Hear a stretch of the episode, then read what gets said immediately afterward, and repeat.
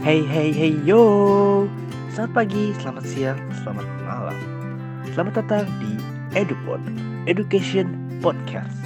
Dari kami mahasiswa Pendidikan Ekonomi B 2019 Universitas Pendidikan Indonesia. Halo. Balik lagi sama kita berlima nih. Ada aku Dava. Ada Kak Iren. Halo. Ada Kak Shiva. Halo. Ada Kak Devi. Dan ada Kak Nida Halo. Pada episode kali ini, kita akan membahas pelajaran ekonomi dengan materi pasar persaingan tidak sempurna. Yuk disimak baik-baik agar teman-teman dapat memahaminya. Langsung aja kita bahas dari apa sih pasar persaingan tidak sempurna itu? Pada dasarnya, pasar persaingan tidak sempurna itu menggambarkan situasi di mana penjual atau pedagang dalam suatu pasar lebih sedikit dibandingkan pembeli. Contohnya, hanya ada satu penjual dan ada lebih dari satu pembeli. Lalu, penjual berhak atas penjualan produk tertentu dan hanya merekalah yang boleh atau mampu menjual produk tersebut dengan jumlah yang terbatas tentunya. Adanya jumlah penjual yang lebih sedikit menjadikan penentuan harga produk di pasar menyebabkan ketidakseimbangan. Lanjut, bagaimana sih karakteristik dari pasar persaingan tidak sempurna ini? Satu, adanya ketidakseimbangan antara penjual dan pembeli. Penjual dan pembeli mempengaruhi kondisi pasar. Dalam kondisi pasar yang tidak sempurna, pasar hanya terdiri dari satu atau beberapa penjual yang lebih sedikit dari pembeli. Ketidakseimbangan ini menyebabkan penjual lebih berkuasa di pasar. 2. Penjual menentukan harga. Karena penjual lebih berkuasa dibandingkan pembeli dan hanya sedikit pihak yang mempengaruhi pasar, penjual mendominasi dalam penentuan harga. Dominasi ini memungkinkan perusahaan memperoleh profit yang jauh lebih besar. Hal ini disebabkan oleh persaingan yang minim dalam penjualan barang di pasar. 3. Sulit untuk masuk ke dalam pasar.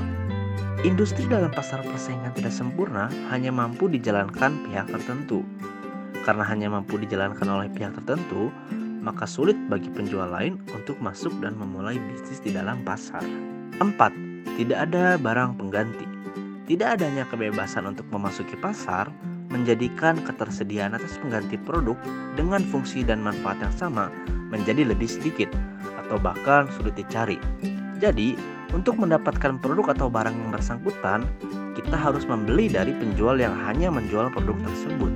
Nah, itu teman-teman karakteristik dari pasar persaingan tidak sempurna.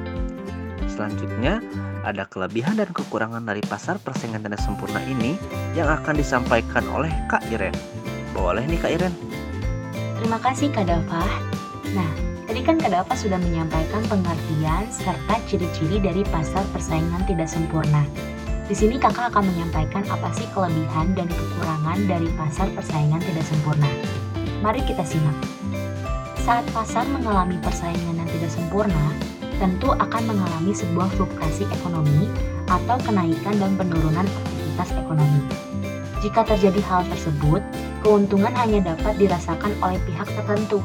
Ada beberapa kerugian atau eh, kekurangan dari pasar eh, yang didominasi oleh satu orang yaitu kerugian yang pertama ada permainan harga.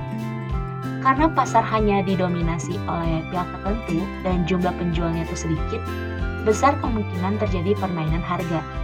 Permainan harga itu semakin lama dapat merugikan konsumen. Ketidakkemampuan konsumen dalam memahami kisaran harga yang seharusnya diterapkan karena minim pembanding juga menjadi faktor terjadinya permainan harga. Kerugian yang kedua ada sulit untuk masuk ke dalam pasar. Berarti kerugian eh, kerugian ini tuh lebih ke produsen, di mana industri dalam pasar tidak sempurna hanya mampu dijalankan pihak tertentu. Karena hanya mampu dijalankan oleh pihak tertentu, maka sulit bagi penjual lain untuk masuk dan memulai bisnis dalam pasar. Ini tuh berbanding terbalik dengan pasar persaingan sempurna, di mana di dalam pasar persaingan sempurna itu penjual itu bisa bebas keluar masuk pasar.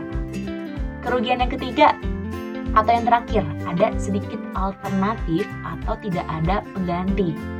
Karena pengganti dari pasar persaingan tidak sempurna itu, uh, maaf, uh, karena pengertian dari pasar persaingan tidak sempurna itu penjual atau pedagang dalam suatu pasar lebih sedikit gitu ya e, dibanding dengan pembeli, tentu penjual menjual produk yang sangat penting dan tidak memiliki kompetitor.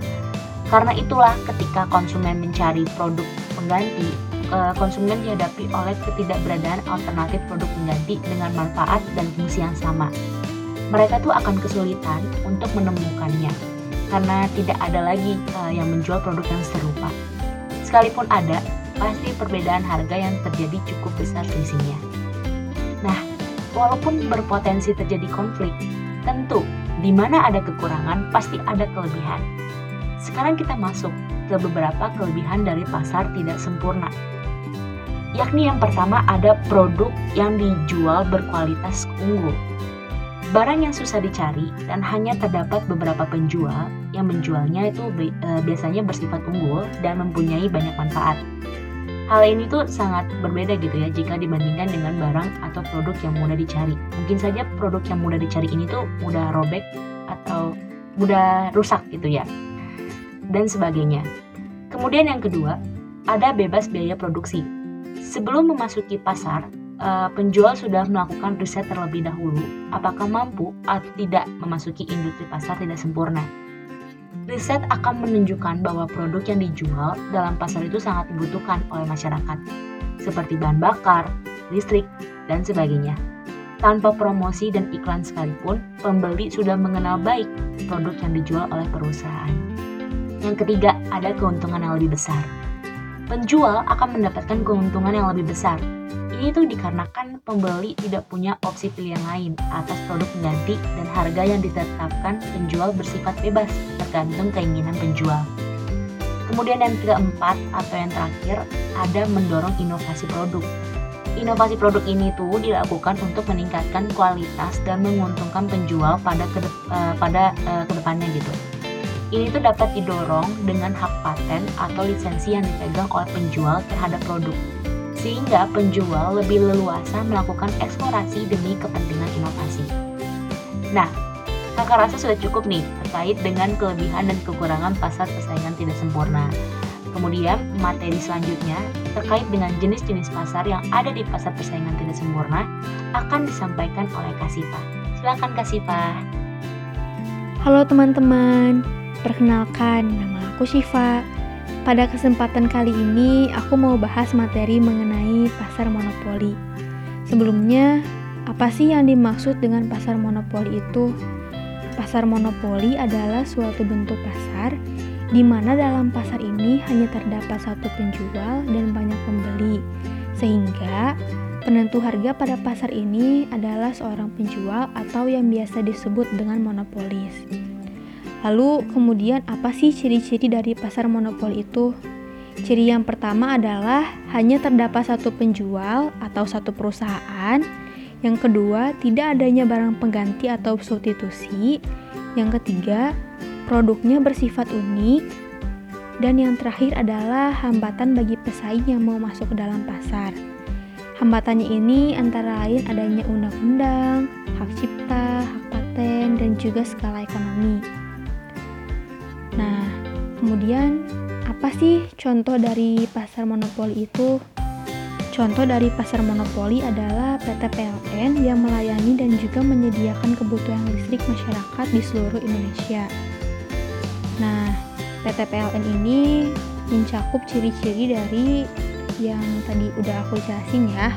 Yang keempat itu, mereka itu hanya terdapat satu perusahaan, lalu kemudian produk yang dijualnya itu bersifat unik sehingga sulit untuk ditiru oleh pesaing lalu kemudian memiliki hak paten dan juga modal yang dikeluarkannya itu e, sangatlah besar sehingga itu tuh menjadi hambatan bagi pesaing untuk dapat masuk ke dalam pasar. Nah, ini tuh kaitannya dengan skala ekonomi. Nah, untuk materi selanjutnya akan dijelaskan oleh Kak Devi. Oke, baik. Terima kasih Kak Siva. Sekarang kita akan membahas tentang pasar oligopoli. Apa sih pasar oligopoli itu? Kak Devi jelasin sedikit ya teman-teman. Nah, Jika pasar monopoli hanya terdapat satu penjual, maka pasar oligopoli terdapat beberapa penjual yang menguasai pasar dengan banyak pembeli. Tetapi kegiatan promosi di sini masih diperlukan untuk mengenalkan produk kepada masyarakat luas serta untuk bersaing dengan penjual lainnya.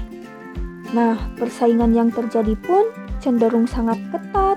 Contohnya, bila terjadi penurunan harga oleh salah satu penjual, maka penjual lain akan terpengaruh dan ikut menurunkan harga. Supaya apa sih? Supaya pembeli tidak berpaling kepada penjual lainnya. Nah, mungkin sekian penjelasan tentang pasar oligopoli dari KDP. Selanjutnya, akan dijelaskan oleh kandidat tentang pasar monopolistik. Silakan kandidat. Wah, bagus banget nih penjelasan dari Kak. Nah, sekarang kandidat akan coba menjelaskan mengenai pasar monopolistik. Jadi, pasar monopolistik itu terdiri dari penjual yang menjual produk identik tetapi memiliki perbedaan dan ciri khas masing-masing baik dari segi fungsi, manfaat, kemasan, bentuk, dan lain-lain. Jumlah penjual pada pasar ini tidak terbatas dan dapat dimasuki dengan mudah oleh kompetitor baru. Inovasi dan promosi menjadi penentu dalam kesuksesan penjualan produk ini. Gimana nih, udah pada ngerti belum tentang pasar monopolistik? Mungkin sekian yang dapat Kanida sampaikan mengenai pasar monopolistik. Selanjutnya, Kanida kembalikan lagi kepada Kadafa. Silakan Kadafa. Wih, terima kasih nih kakak-kakak semua. Nah, gimana teman-teman setelah mendengarkan penjelasan dari kakak-kakak luar biasa ini?